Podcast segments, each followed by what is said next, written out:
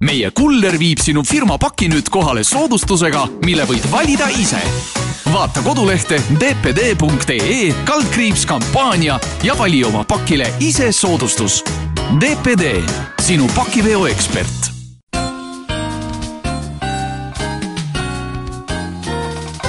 pressiklubi. hallo, head kuulajad, täna on kaheksas juuni, eetris on Pressiklubi. Riigikogus on praegu pingelised päevad, valitsusliit tahab veel enne suvepuhkust äh, läbi suruda mahuka maksumuudatuste paketi, muudatused tähendavad peamiselt siis aktsiisitõusu, hotellide käibemaksu tõusu, selleks, et siis et saadud raha arvelt siis vähendada sotsiaalmaksu ja suurendada lastetoetusi.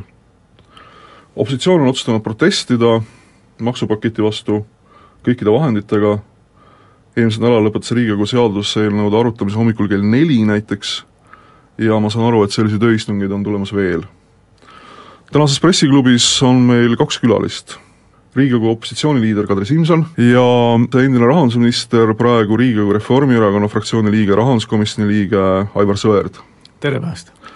ja mina olen saatejuht, Lääne-Elu peatoimetaja Andrus Karnau kui ma seda saadet ette valmistasin, siis ma sõnastasin selle saate teema kahele, kahe küsimusena. mida maksumuudatused Eesti majandusele tähendavad ja miks opositsioon neile vastu sõdib? alustame sellest teisest, Kadri. ma saan aru, et äh, tänane saade, see vist, see vist on enam-vähem umbes samal ajal, et kui see saade eetrisse läheb, siis äh, te annate üle allkirju vist äh, Riigikogus just nimelt, et Keskerakond hakkas kaks nädalat tagasi korjama allkirju aktsiisitõusude vastu ja, ja me keskendusime just nimelt kitsalt kütuseaktsiisile, sellepärast et meie nägemuses toob see kaasa järgnevatel aastatel ähm, mitte ainult kütuse hinnatõusu, vaid äh, kuna kütus on oluline sisend, siis ähm, hinnatõusu ka muudes sektorites. ja, ja me oleme erinevatel hetkedel kogunud allkirju, aga nii kerge kui nüüd inimestelt ähm, toetust saada, pole varem olnud ja meil on koos üle kahekümne viie tuhande allkirja, täna hommikul lõppes veel allkirjade kogumine internetis, nii et täpselt viimaseid andmeid minu käsutuses hetkel veel ei ole. ja, ja me anname siis selle üle petitsiooni vormis selle jaoks, et Riigikogu arutaks, mida aktsiisitõusud kaasa toovad. nüüd küsimus, et, et kas see on midagi erakorralist, järjekordne hinnatõus või järjekordne maksutõus, siis tegelikult ju ei ole, et viimase kaheksa aasta jooksul on Reformierakonna juhtimisel erinevaid makse ja aktsiise tõstetud kahekümnel korral nii et, et jutt madalatest maksudest või jutt sellest, et me maksudega ei mängi, ei ole viimastel aastatel üldse pädenud, neid maksutõuse on olnud korduvalt, nüüd on lihtsalt järjekordne pakett. Kadri, te saate öelda seda, et Reformierakond on makse tõstnud sellepärast, et te lihtsalt ei ole ise valitsuses olnud selle aja jooksul ja seetõttu teil ei ole ka olnud võimalust makse tõsta. aga Aivar, öelge palun, kui te nüüd kuulete seda petitsiooni juttu, et äh, kas äh, teie arvates on see põhjendatud, see, et kui palju neid inimesi oli, üle kahekümne tuhande inimesel olnud allkirja? üle kahekümne viie tuhande. kas nad, kas nad on andnud allkirja mõistlikule pöördumisele?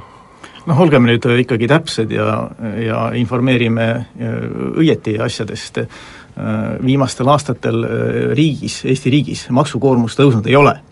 maksukoormus on püsinud allapoole kolmekümne kolme protsendi taset, kolmkümmend kaks koma kuus protsenti oli ta viimastel aastatel ja lähema nelja aasta jooksul prognoosi järgi, arvestades kõiki maksumuudatusi, jääb kas kolmekümne kolme protsendi piiridesse või alla selle. nii et maksukoormus, nii nagu teda arvutatakse, kogutud maksud sisemajanduse kogutoodangusse, maksukoormus ei tõuse, aga muutub maksutulude struktuur, struktuur ja mm, struktuur muutub sealjuures äh, ilmselgelt äh, majanduskasvu toetavamaks, ehk siis äh, kasvusõbralikumaks, kuna vähenevad tööjõumaksud ja suurenevad tarbimismaksud. see on täpselt samasugune äh, Äh, muudatus, mida planeerib ka näiteks uus äh, Soome valitsusliit ja paljud-paljud teised äh, Euroopa Liidu liikmesriigid, millised siis hoolitsevad oma majanduse konkurentsivõime pärast. no see on ilus jutt muidugi, aga tegelikult see maksustruktuuri muutus tähendab seda, et eelkõige tõstetakse neid makse, mis löövad madalamapalgalisi ja kui madalamapalgalistel on see IRL välja mõelnud nüüd keerulise skeemi, kuidas kingitusi teha, siis äh, need tarbimismaksud löövad ka lastega peresid ja eakaid inimesi, kes maksualandusest midagi pole võitnud. teine asi veel, ma arvan, et siin on väga küüniline plaan, et äh, kuna sellel aastal on eelarve planeeritud natukene suurema hinnatõusu olukorras, kui ta tegelikult on osutunud, siis see küüniline plaan seisneb selles, et kui valitsuse initsieeritud hinnatõus tuleb, siis laekub järgmisel aastal ja ülejärgmisel aastal eelarvesse selliseid lobedamalt või lahedamalt vahendeid. nii et see on ka valitsuse poolne mm, panus sellesse, et Eestis oleks, te küll sõnastate, sõnastate seda mõistlik hinnatõus, aga siiski hinnatõus. jälle ei ole täpne, sellepärast et äh, sellest maksupaketist võib-olla maksumuselt äh, üks suurem osa on äh, maksuvaba miinimumi tõstmine, milline tõuseb siis praeguselt saja viiekümne neljalt eurolt järgmisel aastal saja seitsmekümne euroni ja siis äh, nelja aasta jooksul kahe, kahesaja viie euroni. Ja see maksumuudatus mõjutab just kõige enam väiksema palga saajaid, väiksema tulu saajaid, nii et, nii et ei ole õige äh, see, see jutt. ja mis puudutab inflatsiooni, siis äh, noh, tegelikult inflatsioon on olnud juba mõnda aega hästi madal. noh, mis tähe-, mis ei tähenda muidugi seda, et, et see ei või lähiaastatel veidi tõusta, aga noh, prognoos näitab, et inflatsioon jääb üsna madalaks ja ka need tarbimismaksud inflatsioonile Äh, väga suurt mõju ei, ei avalda. Ja, ja praegu ju Euroopa Keskpank äh, ju viib ellu rahapoliitikat just selliselt, et inflatsiooni ergutada. mis muidugi ei tähenda, et ega inflatsioon meile ei meeldi äh, kindlasti aga praegu on inflatsioon madal ja prognoosi järgi jääb ka äh, lähiaastatel madalaks. enne seda, kui inflatsioon oli, on Eestis madalaks jäänud, oli ta Euroopa üks kõrgemaid ja see jutt, et äh, kütuse hinnale aktsiisi lisamine ei too inflatsiooni, kõlab umbes sama usutavalt kui see, et euro hinda ei tõsta äh, jah, konkreetselt kaks tuhat kuusteist, noh see on, on Rahandusministeeriumi andmed, null koma kakskümmend kuus protsenti mõjutavad kütuse muudat-, aktsiisimuudatused inflatsiooni kahe tuhande kuueteistkümnendal aastal. see vist on ka tõsi, et ega euro märkimisväärselt hindu ei tõstnud, vähemalt see rahakursi vahetus äh, tõi vist kaasa, kui ma õigesti mäletan, see on nagu väga, väga, väga väikese hinnatõusu, et ometi hinnad on tõusnud märkimisväärselt ja selle järel oli meie hinnatõus Euroopa kiireim. Kadri, aga ma usun, et üks, üks on see jutt, mida räägib raamatupidaja, et Excel tabelisse otseselt välja ei tule, teine on see, mis päriselus kaasa, kaasneb ja, ja sama on ka selle kütuseaktsiisiga, eks ole, et et kes räägib mis, mis summadest. et Urve Tiidus, Reformierakonna fraktsiooni esinaine, on valinud ähm, selle tee, et ta räägib, mis juhtub ühe liitriga järgmine aasta. aga samas, kui me vaatame, kui kogu see hinnatõusu pakett nagu jõusse saab, siis kolme aasta pärast paagitäis bensiini maksab ainult riigimaksude võrra kümme eurot rohkem ja, ja valdavalt, kui me sõidame autoga, me ikka mõõdame seda kütuse hinda paagi mõttes. eks see sõltub ka sellest, et milline auto on ja milline paak on, et, et kümme eurot on kahtlemata suur raha, aga me kuulame nüüd reklaami ja siis me kohe jätkame.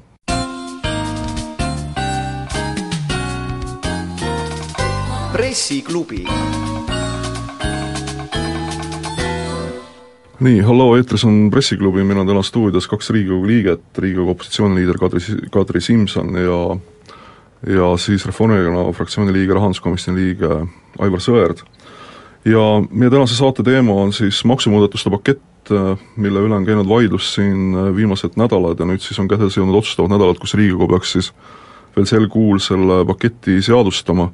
me alustasime vaidlust siis selle üle, et, et kumb siis nagu maksumaksjale on mõistlikum, kas või kumb annab suuremat, suuremat kasu siis, kas alampalga mitte alampalga, vaid siis tulumaksuvaba miinimumi tõus või, või siis, või siis kütuseaktsiis. ja, ja ega tõenäoliselt selles vaidluses me nagu siin ju kokkuleppele ei jõudnud, sest selge on see, et Aivar Sõerd toonitab seda, et, et tulumaksuvaba miinimum kasvab, vaesemad inimesed saavad sellest raha juurde, Keskerakonnale ei meeldi kütuseaktsiisi tõus. aga räägime nüüd sellest, et te istusite kella neljani hommikul, ma vaatasin sellest stenogrammist, et selle kõige rohkem sellel kolmapäevasel, neljapäevasel istungil kõige rohkem aega ei võtnud hoopiski mitte maksupakett, vaid kaheksa tundi kulus kindlustustegevuse seadusele. kas see kindlustustegevuse seaduses on siis nii suur probleem või see oli lihtsalt vahend selle, selle nimel, et et võimalikult pikaks istungit, see vaidlus, see obstruktsioon, juntimine, mis seal toimus, või see oli siis eesmärk selle nimel, et istut-, istungit venitada või on seal kindlustustegevuse seaduses ka mingi probleem? Tegelikult oli see meie reaktsioon kobareelnõule. ja nii, nagu saatejuht sattus segadusse, et mille poolt või vastu me oleme, nii on, on see kogu maksutõusude kobareelnõu tekitanud segadust ka Riigikogus. me ei ole tulumaksuvaba miinimumi tõstmise poolt, selle poolt me tahaksime hääletada. aga kui valitsus äh, menetles seda kobareelnõu kolme erineva seadusega, jah, me ei ole selle vastu, me, me sooviksime tõsta tulumaksuvaba miinimumi. aga valitsus käsitles kolme eelnõuna, üks oli, et aktsiisitõusud, teine seadus oli hotellidele käibemaksu tõstmine ja kolmas olid siis need tulumaksumuudatused ja sotsiaalmaksu muudatus. et äh, see, mille, mille puhul praegu riik ära annab raha, millest suurt tolku ei paista tõusvat, on ju ligi sada miljonit sotsiaalmaksu alandamise näol. kui sellest loobuda, võiks loobuda ka aktsiisitõusudest. nii, miks me tegime siis selle äh, kindlustusseadusega nii pikalt vaheaegu. no, no seal, seal tuli rahanduskomisjonist muudatus, mille peale kindlustusettevõtjad saatsid kirja ja ütlesid, et kogu seaduse mõte, täisteksti mõte on kadunud. nii et ilmselt, äh, kui juba on seda seadust menetletud eelmisest koosseisust alates, võiks võtta ka veel äh, ühe pausi me tegime ettepaneku see eelnõu katkestada ja, ja mm, kvaliteedikontroll teha, ennem kui seadus on vastu võetud ja peab hakkama seadust parandama. nii me tegime seda venitamist seetõttu, et Riigikogus on toodud äh, ühe pakina seitsme erineva seaduse muutmine, kui Riigikogu kodukord näeb ette, et ähm, et opositsioonil peab olema ka aeg seadust läbi töötada ja anda kümme tööpäeva muudatusettepanekute ettevalmistamiseks, siis rahanduskomisjonis häältega kuus-viis lühendati meie jaoks muudatusettepanekut kolmele päevale. Ja see tähtaeg on siis täna kell neli, see on täna kell neli. Ja sellisel viisil ähm, paraku opositsioonil on omad viisid, kuidas, ähm, kuidas vastu seista sellisele teerullile. et ainult ühest kõnest, et meile maksutõusud ei meeldi ja siis ähm, saalis ülehääletamisest ähm, jääb väheks sellise maksutõusude paketi puhul. Mitu päeva te siis tahaksite, mis see õige tähtaeg oleks, et kui neljapäeva hommikul teie arutelu lõppes, see tähendaks siis kümmet tööpäeva, see tähendaks siis seda, et see on umbes see oleks siis olnud äh, seitsmeteistkümnes äh, juuni mis, äh, kuna valitsusel on kiire maksutõusudega, maksutõusud peavad jõustuma ennem esimest juulit, oleks siiski andnud veel ligi kümme päeva Riigikogul menetleda seda seadust Aivar Sõerd, kas te olete selle tehnilise ettepane-, etteheitega nõus, et, et Riigikogu justkui nagu, nagu koalitsioon nagu teerull sõidab järjekordselt opositsioonist üle? E-, ega selle aegade võtmise ja, ja sellise protsessimisega, mõttetu protsessimisega ju ei, ei, ei muutu midagi, selles pigem, pigem on, läheb, läheb olukord ju hullemaks. et, et see aeg, mis oleks võinud praegu ära kasutada selleks, et neid maksueelnõusid sisuliselt arutada. Kusjuures siin on, mida sisuliselt arutada, ega noh, Riigikogu ei pea täpselt heaks kiitma seda, mida valitsus on esitanud et äh, noh, ei ole tavaks, et koalitsioonipoliitikud esitavad äh, muudatusettepanekuid, aga noh, ma ise kaalun küll mõnes aspektis äh, muudatusettepaneku esitada, noh ma ka re-, terve reedese päeva töötasin ja eile vaatasin neid asju ja täna on meil tähtaeg, et täna seisab ees tõsine töö. aga selline menetlus, et, et, et kus kolmapäeva öösel vastu neljapäeva alles kell, öösel kell kolm tuli menetlusse noh, noh, noh väga sisuline või selline noh, ka probleemirohke Te räägite tulumaksu tagastusest? ka pro-, probleemirohke madalapalgaliste maksutagastuse eelnõu, see tuli öösel kell kolm menetlusse, noh ma ise olin saalis, pidin kell kolm seal küsimusi esitama. et noh, see ei ole normaalne. Ja järgmine päev, neljapäeval oli meil rahanduskomisjoni istung, noh saadikud on äh, magamata, hakkavad rahanduskomisjonis Äh, noh, sisulisi asju arutama uimase, uimasena. et, et see ei tee ju olukorda noh, paremaks, te teete seda olukorda hullemaks. me ainult ja, reageerime ja, sellele, mida valitsus ja, on ühehäälelise enamusega läbi surunud. ajaline surve tuleneb sellest, et maksumuudatused peavad olema vastu võetud äh, pool aastat enne nende jõustumist, see oli eelmise koalitsiooni üks viimaseid äh, otsuseid. just, ja kui me nüüd meenutame, miks meil on tekkinud ajaline surve, siis selle tõttu, et valitsus võttis endale kõik selle aja, mis tal vaja oli. et koalitsioonisaadikutel oleks oleks olnud kohane valitsusele meelde tuletada, et me oleme vastu võtnud seaduse, parlamendis on sätestatud äh, eelnõude menetlemise kord ja kui te ei anna seda üle selleks kuupäevaks, siis vabandust, aga maksutõusud ei jõustu esimesest jaanuarist kaks tuhat kuusteist, vaid esimesest juulist kaks tuhat kuusteist või veel parem, esimesest jaanuarist kaks tuhat seitseteist.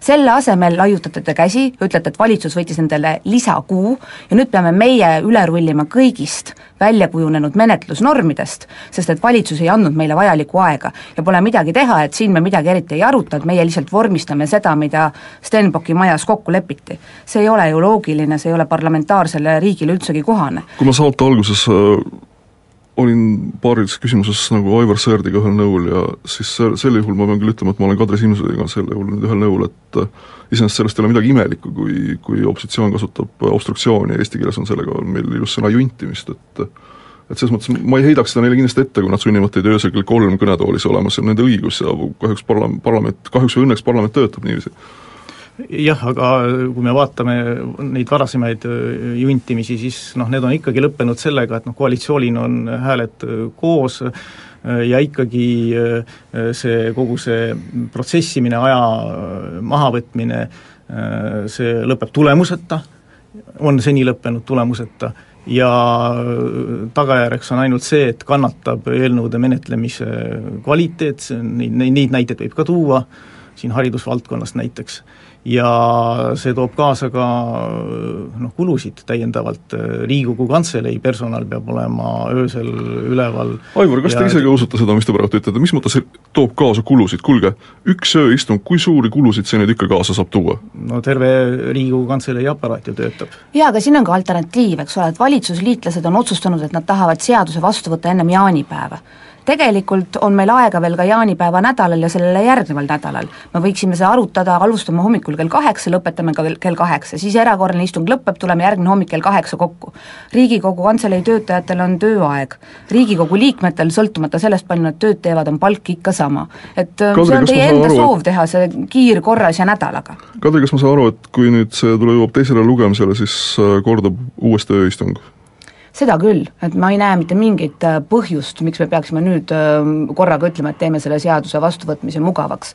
meile pole ka pakutud mitte mingit äh, kompromisskohta selles küsimuses. aga me peame nüüd kuulama reklaami ja uudiseid ja siis, kui need on läbi, siis ma tahan kindlasti Aivar Sõõdri käest küsida, et mis on need tema parandusettepanekud, mida ta tahab esitada sinna eelnõule?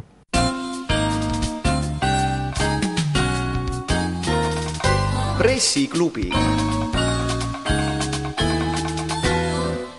halloo, head kuulajad, eetris on Pressiklubi, me räägime täna valitsuse maksumuudatuste paketist ja meil on stuudios kaks Riigikogu liiget, Kadri Simson, Riigikogu opositsioonijuht Keskerakonnast ja Riigikogu rahanduskomisjoni liige Aivar Sõerd Reformierakonnast. ja mina, saatejuht, Lääne-Elu peatoimetaja Andrus Karnau. ma ütlen ka ära selle, et kui tavaliselt see saade läheb otse-eetrisse, siis täna me lindistame, meil stuudios on kell hetkel veerand üheksa hommikul, kui te meid kuulete, siis kell on mõned minutid pool kaks läbi ja ja lisan ka seda, et, et tegelikult algselt siia saatesse ma väga palusin ka Remo Holsmeri, kes on Riigikogu rahanduskomisjoni esimees, aga kea, kelle ülesanne on seda, seda maksupaketti Riigikogus läbi suruda, aga aga ta ei saanud tulla, sest ta peab lapsi lasteaeda viima.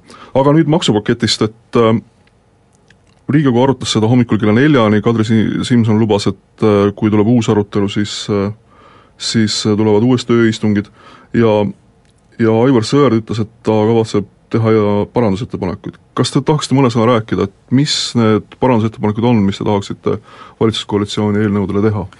jah, veel kord, et ega Riigikogu ei, ei pea ju automaatselt heaks kiitma neid eelnõusid, mis valitsusest on tulnud, et seda on ka enne olnud, et Riigikogus ühte või teist aspekti muudetakse ja ja tõesti, me noh, me rääkisime siin kütuseaktsiisist, et et noh, tegelikult noh, kütuseaktsiisi tõstavad ka teised riigid ja noh, ka meil viimane, viimane tõus oli aastal kaks tuhat kümme, nii et, et noh, küsimus on pigem selles, et, et noh, millises tempos seda teha ja et ei kannataks noh, liigselt kas tempo on liiga kiire? konkurentsivõime.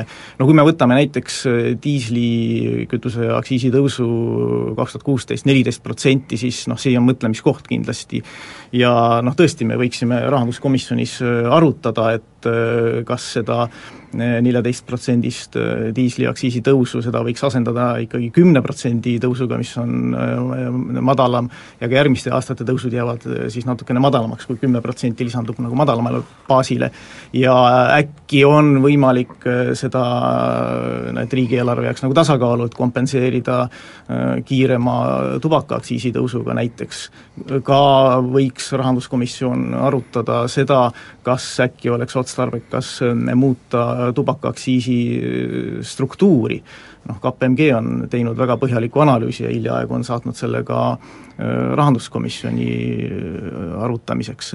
ja, ja kolmandaks, noh struktuur, kas, äh, milline on proportsionaalse määra ja fikseeritud määra vahekord, et noh, ma saan aru, siin noh, võib taga aimata ka mingite huvigruppide lobi, aga samas ma küsin, et aga miks teised riigid, kõik siin, kes siin Euroopa Liidus on, on reeglina just seda proportsionaalset maksuosa vähendanud ja suurendanud fikseeritud maksuosa? seda proportsionaalset ja fikseeritud seletaksite kuulajale niimoodi, et ta aru saab, mis ta no, selle, mis, mis asi see on, mis, mis maksuosad need on? Ja mis need huvigrupid on, kes tubak, selle taga on? tubakaaktsiisi, tubakaaktsiis koosneb kahest, kahest komponendist, üks on see, mis arvutatakse Äh, maks-, nagu hinnast pro-, pro-, protsendina ja, teine on siis jah, miinimum või noh, paki kohta fikseeritud summa. et see fikseeritud äh, aktsiis, noh see mõju, see mõjutab rohkem just neid öö, äh, odavamaid öö, sigaretimarke. aga mis need huvigrupid jah, siis on, kes on huvitatud ühest või teisest lahendusest? noh, eks need on need tubakatootjad ilmselt, ma arvan, aga aga see struktuuri muutus tähendaks siis seda, et odavam tubakas muutuks odavamaks ja kallim tubakas kallimaks? vastupidi, et odavamale tubakale ja. lisada nagu no,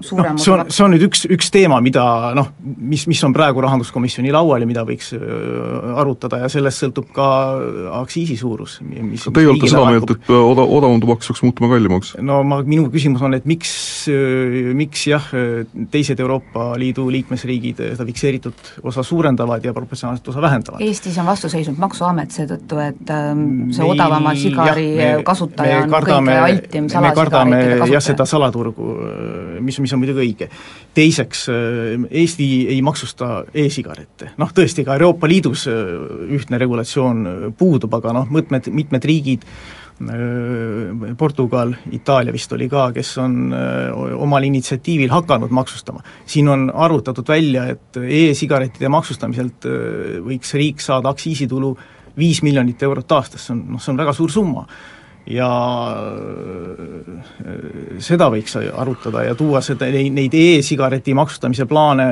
ettepoole. kas ma saan et, nüüd aru, et te ütlete, et kütuseaktsiisi tõus võiks olla madalam ja selle võrra siis tubakaaktsiisi tõus suurem? see oleks üks teema, mida võiks arutada. teades teie tausta, ma kujutan ette, et teil on ka ettepanekud siis hotellide käibemaksu osas hotellide käibemaksu osas ma ütlen seda, et no ma olen ise olnud neli aastat hotellijuht ja ma täitsa jagan seda muret ja mõistmist, mida hotelliettevõtjad on välja toonud selle teemaga seoses, et see on no ütleme, konkurentsile avatud sektor, me oleme konkurentsis töökohtade investeeringute pärast teiste riikidega, siin on taga terve majandusharu, üks müümata tuba, mis näiteks läheb Lätti, selle, selle, selle, see kaotus riigile on kuskil noh, viiekordne võrreldes selle ühe toaga, et seal on taga kõik suveniirimüüjad Aivar, kas ma võin teile vastu vaielda ühe, ühe sellise hästi primitiivse näitega, et siin nädalavahetusel oli see meeste tantsupidu Rakveres ja käisin minagi seal vaatamas, kuidas laps tantsib, aga see pole tähtis. vaatasin huvi pärast seda, et kui palju hotellitoad Rakveres ja ümbruses maksavad äh, Vihula mõisas, kus oli viimane vaba tuba, oli see tuba, tavaline kahekohaline tuba, sada eurot. vaatas seda hinda, kuulge, siin ei ole mingit konkurentsist mingit märki, kui tegemist oleks konkurentsiga, siis see tuba hind oleks märksa madalam. et mulle tundub, et see hotelliettevõtjate mure on pigem selline mitte mure nagu mingi konkurentsivõime pärast, vaid mure selle pärast, mis jääb majandusaasta aruandes viimasele reale. jah, aga minge veebruarikuus sinnasamma hotelli ja siis on seal hoopis teised hinnad, alati tõusevad hinnad, kui on mingisugused kultuuriüritused, kui on koolivaheajad, meeste tantsupidu on vaid kord aastas. jah, et see ilmselt tõstis selle hinna üles, aga, aga noh, muidugi siin ütleme, ütleme see, see, see neliteist protsenti on jällegi noh, kompromiss, mis on pakutud ja, ja noh, sellega me jääme nüüd noh, mit-, noh, kui, kui kui, kui Leedu ja Lätis on üheksa, kaksteist protsenti, et noh, siis see erinevus nüüd nii hull ei ole, kui ta oleks olnud standardmäära puhul. kas see väide on, kas see väide on tõsi, et, et see kompromiss kompromissi, see hotelliettevõtjatele pakutud kompromissi üks osa on ka see, et riik lubab suunata suuremaid toetusi maaturismile see on, või see on kõlakas või see, või see, või see ka läheb niimoodi? ei, see kindlasti läheb niimoodi ja äh... aga, aga mis siis selle mõte on, et kui need summad, kui ma nüüd peast mäletan, et, et räägitud on siin, et tuleb täiendavat maksutulu kuus miljonit, neli miljonit sellest suunatakse kuhugi maaturismile, mis selle nagu, mis selle asja mõte on, see niimoodi ühest taskust teise tõsta? täiendavat tulu tuleb kümme ja kuus lubatakse kümme miljonit on jah, see täiendav käibemaksutulu ja hotellid tegelikult või see, ütleme, turismisektor saab kuuskümmend miljonit ja see kuus miljonit tuleb sellele veel juurde ja see kuus miljonit suunatakse põhiliselt siis maaturismi edendamiseks, need on siis noh, messidel osalemised, ühised Äh, turundusmeetmed, noh igal juhul täiendav raha sektorisse. kui ma võin kõrvaltvaataja pilguga lisada, siis mõte ilmselt on see, et see kümme miljonit, mida plaanitakse koguda, on selline vaba raha, mida valitsus saab kasutada kuhu iganes, ja kuus miljonit, mida vastu lubatakse, on siis euroraha, mis tuleb mujalt. aga, aga lisades veel üks argument, miks meie oleme hotelli käibemaksu tõusu vastu, on see, et Euroopa Liit teadupärast lubab meile ainult loetud hulgal alandatud käibemaksumäära. ja kohe, kui tekitakse, tekitatakse teine alandatud määra aste, neliteist, võtab see meilt võimaluse nõuda, et taastatakse alandatud käibemaksumäär viis protsenti ravimitele, meditsiinitehnikale. sest öeldakse, et kahju küll, aga meil üheksa ja neliteist on ja rohkem me madalamaid maksuastmeid enam teha ei saa. kui kaks tuhat üheksa ravimitele, meditsiinitehnikale see kõrgem käibemaks pandi, siis öeldi, et see on kriisiaegne meede, kriis on kestnud nüüd, arvutame, läheb kuues aasta et räägitakse juba Põhjamaadesse jõudmisest, aga, aga kriisiaegsed maksutõusud ikka kehtivad. ühesõnaga, et äh, see vastuseis kütuseaktsiisi tõusule, see ei ole ainult äh, opositsiooni selline katse endale tähelepanu võita või iga hinnast valitsusele vastu sõdida, vaid ka Reformierakonna sees on üsna tugev vastuseis selle, sellise praegusele tõusuplaanile noh, tasub mõelda igal juhul sellele, et äh, nii palju, kui nüüd aega on jäänud, äh, tegelikult ju äh, noh, muudatusettepanekute esitamise tähtaeg on veel ees, see on täna, siis peaks rahanduskomisjon arutama veel need teemad üle, aga muidugi, kui Keskerakond paneb rahanduskomisjoni kümneid või sadu muudatusettepanekuid, mida ka tuleb sisuliselt läbi arutada ja hääletada, siis noh, ma ütlen, jällegi kordan üle, et see, see aegade võtmine, see, see ei lahenda ju seda olukorda, vaid, vaid teeb äh, asja hullemaks, et noh, Riigikogu, Riigikogu võimalused kindlasti äh, kahanevad selle tõttu siin neid asju paremaks teha. aga kuulame siinkohal reklaami.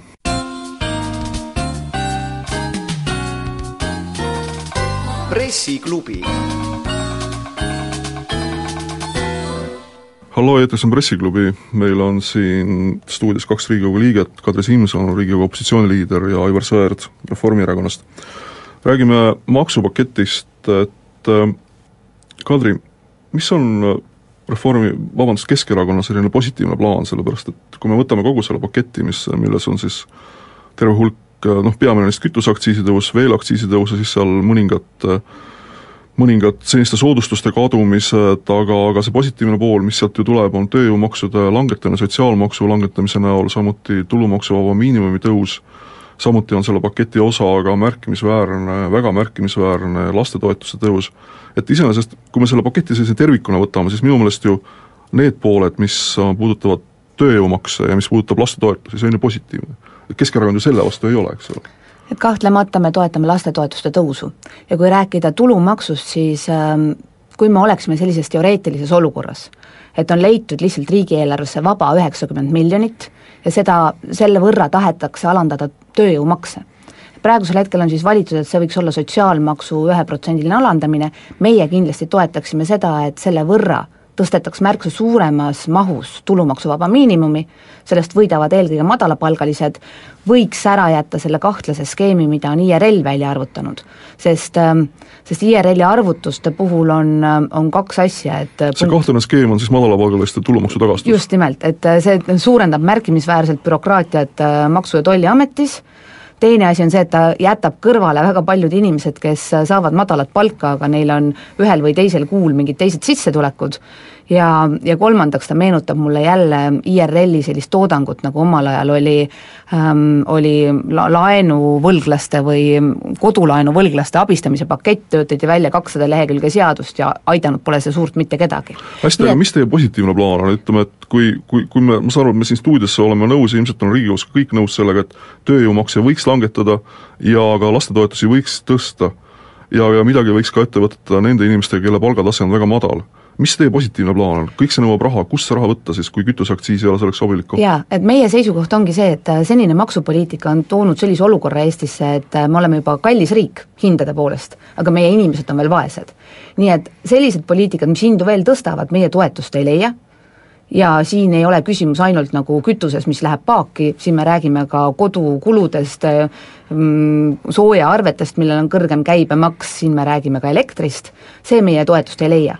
ja see, mis jätab äh, inimestele eriti väiksemapalgaliste, palgalistele inimestele rohkem raha kätte, see leiab kindlasti meie toetust. nii et tulumaksuvaba miinimumi tõstmine, ka pensionäridele tulumaksuvabastuse suurendamine, sest et need on valdavalt inimesed, kes selle kätte jäänud raha toovad uuesti tarbimisse. ja kui me vaatame, miks meie majandus seisab, siis süüdi ei ole ainult meie välispartnerid. süüdi on ka see, et äh, sisetarbimine on lihtsalt külmunud, sest väga paljud inimesed saavad nii väikest tasu, et söögiks ja kodukuludeks jätkub, muuks ei jätku. aga kust need maksutõusud ikkagi, kui, kui on vaja raha, siis on vaja makse tõsta, mis need maksud on, mida te tahaksite tõsta? no väga lihtne, see üheksakümmend miljonit, mis praegu sotsiaalmaksu alandamisega ära läheb, et praegusel hetkel valitsus ütleb, et ta leiab kuskilt lisaraha, et Haigekassa ei satuks tõelise löögi alla.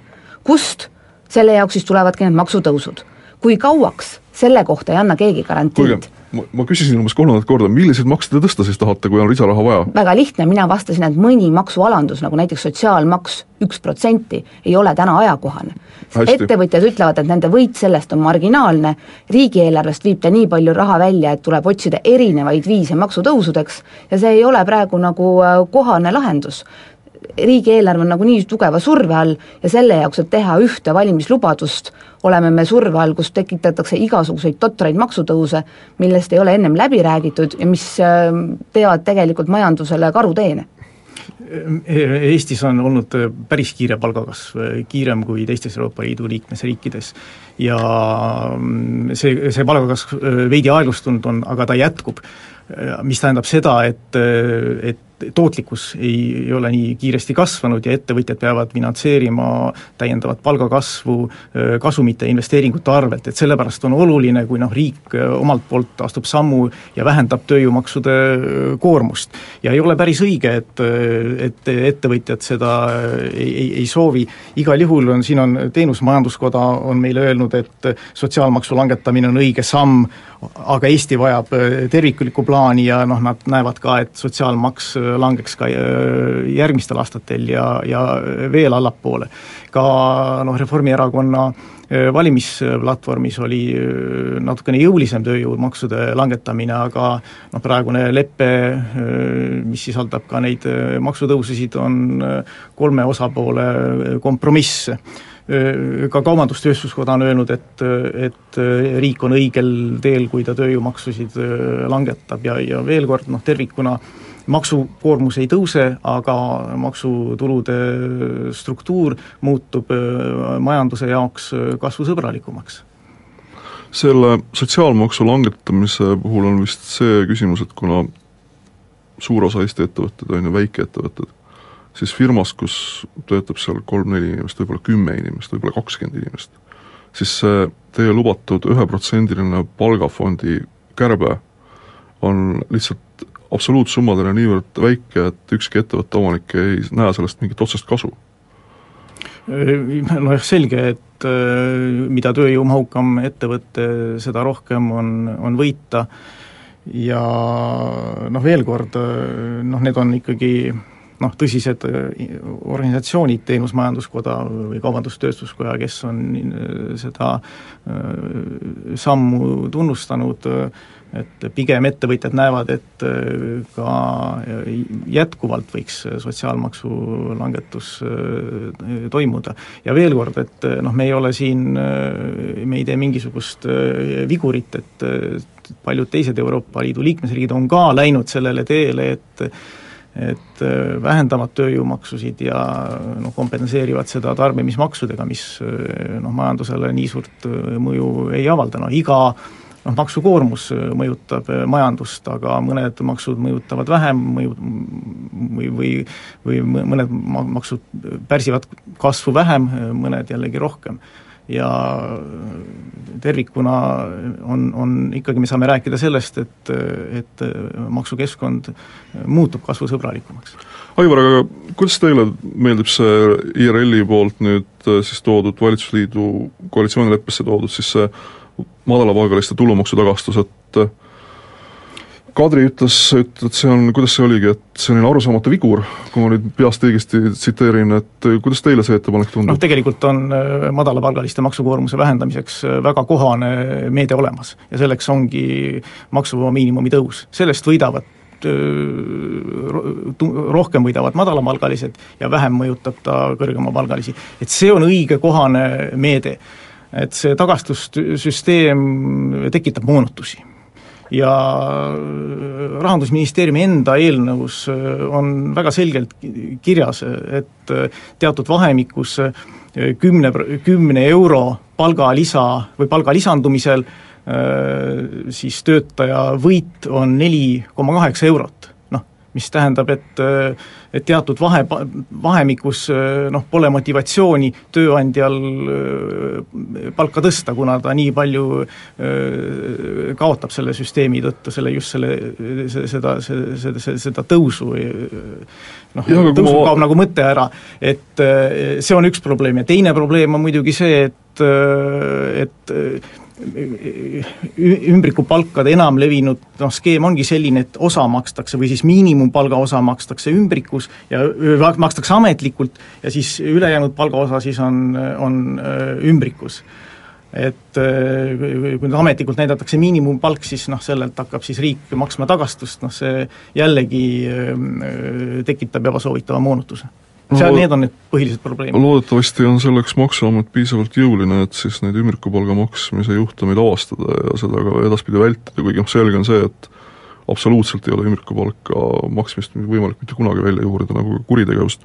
aga lihtsalt tulles tagasi selle tulumaksuvaba miinimumi tõusu juurde, et kui ma vaatan neid absoluutnumbreid, siis te ju lubate, et see peaks nelja aastaga kasvama viiskümmend eurot, et kui tulumaks on kakskümmend protsenti, siis see tähendab seda, et nelja aasta jooksul inimestel mingi täiendav, täiendav abi sellest äh, maksusoodustusest on ju umbes nelikümmend eurot kuus puhast raha, et äh, ei, kust tal tuleb siis nelikümmend eurot puhast raha? kui see miinimum siis sa ei maksa selle pealt kümmet eurot? just. et see on kuus ju kümme eurot. aa, õigus muidugi, vabandust. et siis ju noh, ma ei näe nagu sellelt nagu väga suurt mõju noh, mõju on olemas kindlasti ja mõju on kahtlemata olemas, aga see mõju ja, ei ole ju väga märkimisväärne. ja ta mõjub just äh, madalapalgalistele, selle, selle palgaskaala alumises otsas äh, olevatele inimestele. aga äh, no kui me võtame, vaatame seda, et meil viimastel aastatel noh, siin seitse aastat oli üldse maksuvaba miinimum paigal, et, et nüüd sellest aastast äh, tõusis äh, maksuvaba miinimum kümme protsenti, et noh, igal juhul see tõus kiireneb võrreldes sellega, mis ta on siin viimastel aastatel olnud no ilmselt ta ikkagi jääb jalgu miinimumpalga enda tõusule, sest tuletame meelde, et kuus aastat oli ka miinimumpalk külmutatud. maksuvaba miinimum tõuseb miinimumpalk peaks tõusma märksa kiirema sammuga. kümme protsenti või rohkem ja palgakasv on viis koma neli protsenti. see on üleüldine, see on see keskmine statistiline palk, miinimumpalga jaoks kuus protsenti palgakasvu no, või seitse protsenti palgakasvu oleks ilmselgelt liiga vähe. ta võikski olla miinimumpalgaga nagu samas rütmis. jah aga miinimumpalga kasv, juba praegu ametiühingud küsivad ju nelisada kaheksakümmend kaheksa eurot. no nelisada kümme on järgmise aasta prognoos ja nelisada seitseteist oli üks number. jah, see on, see on valitsuse pakkumine ja tööandjate pakkumine, see, mida ametiühingud oma töötajatele, kes miinimumpalka saavad, on märksa suurem. ja see, kui valitsus pakub isegi tööandjatest alla, näitab jälle seda suhtumist tegelikult väikest palka teenivatesse inimestesse. ametiühingute huvides ei ole see, et äh, töökohad kaoksid ja need inimesed, kes äh, Äh, täidavad neid töökohti, hakkaksid sotsiaaltoetust saama. kui me nüüd mõtleme, kui ta tõusis eelmine aasta kolmesaja viiekümne viielt kolmesaja üheksakümnele, siis need töökohad ei kadunud. järelikult nagu seda tempot alandades on ainult vabandus, miks me hoiame inimesi tööl nelikümmend tundi nädalas ja maksame neile sellist palka, millega nad toime ei tule ja tulevad omavalitsuselt toimetulekutoetust küsima. meie saade on peaaegu läbi, et äh, kummalegi külas ei ole viimane lõppsõna. tahate öelda midagi lõpetuseks? No. Jah, võib-olla seda, et, et noh, see jah, et, et, et ei ole õige öelda, et, et, et hirmus maksukoormuse tõus tuleb, maksukoormus jääb kolmekümne kolme protsendi tasemele, me saame rääkida tööjõumaksude langetamisest, me saame rääkida maksuvaba miinimumi tõusust, milline aitab just madalamapalgaliste maksukoormust vähendada, tõsi, selle asja teine pool on tarbimismaksud, võib-olla kõige suurem probleem on mootorikütusemaksude tõ-, aktsiisitõusuga, kuna noh, seal on majandusele mõju, noh, alkoholi aktsiisitõus, noh, see on, on, on, on selge, et et see peab olema nagu, käima nagu noh, käsikäes ka inimeste sissetulekute kasvuga, et Kadri. kättesaadavus ei paraneks ma võib-olla lõpetuseks ütleks, et tänasel valitsusel ei ole autoriteeti ja pädevust, et väita, et nemad teavad kogu tõde.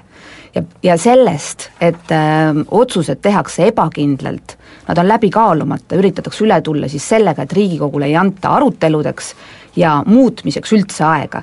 ja opositsiooni roll ei ole olla nagu lambad ja ära, ära lasta koputada valitsusest tulnud praaki. me arvame, et need maksutõusud, mis praegu plaanis on, ei too Eestile mingit edu, nad võivad aidata mõne valimislubaduse täitmisele kaasa, aga need pole mitte kõige nutikamad valimislubadused, seetõttu ööistungid tulevad tänan, et kuulasite, tänan, et külalised, et tulite, kuulake Pressiklubi jällegi nädala pärast, saade on korduses õhtul kell seitse, elage hästi!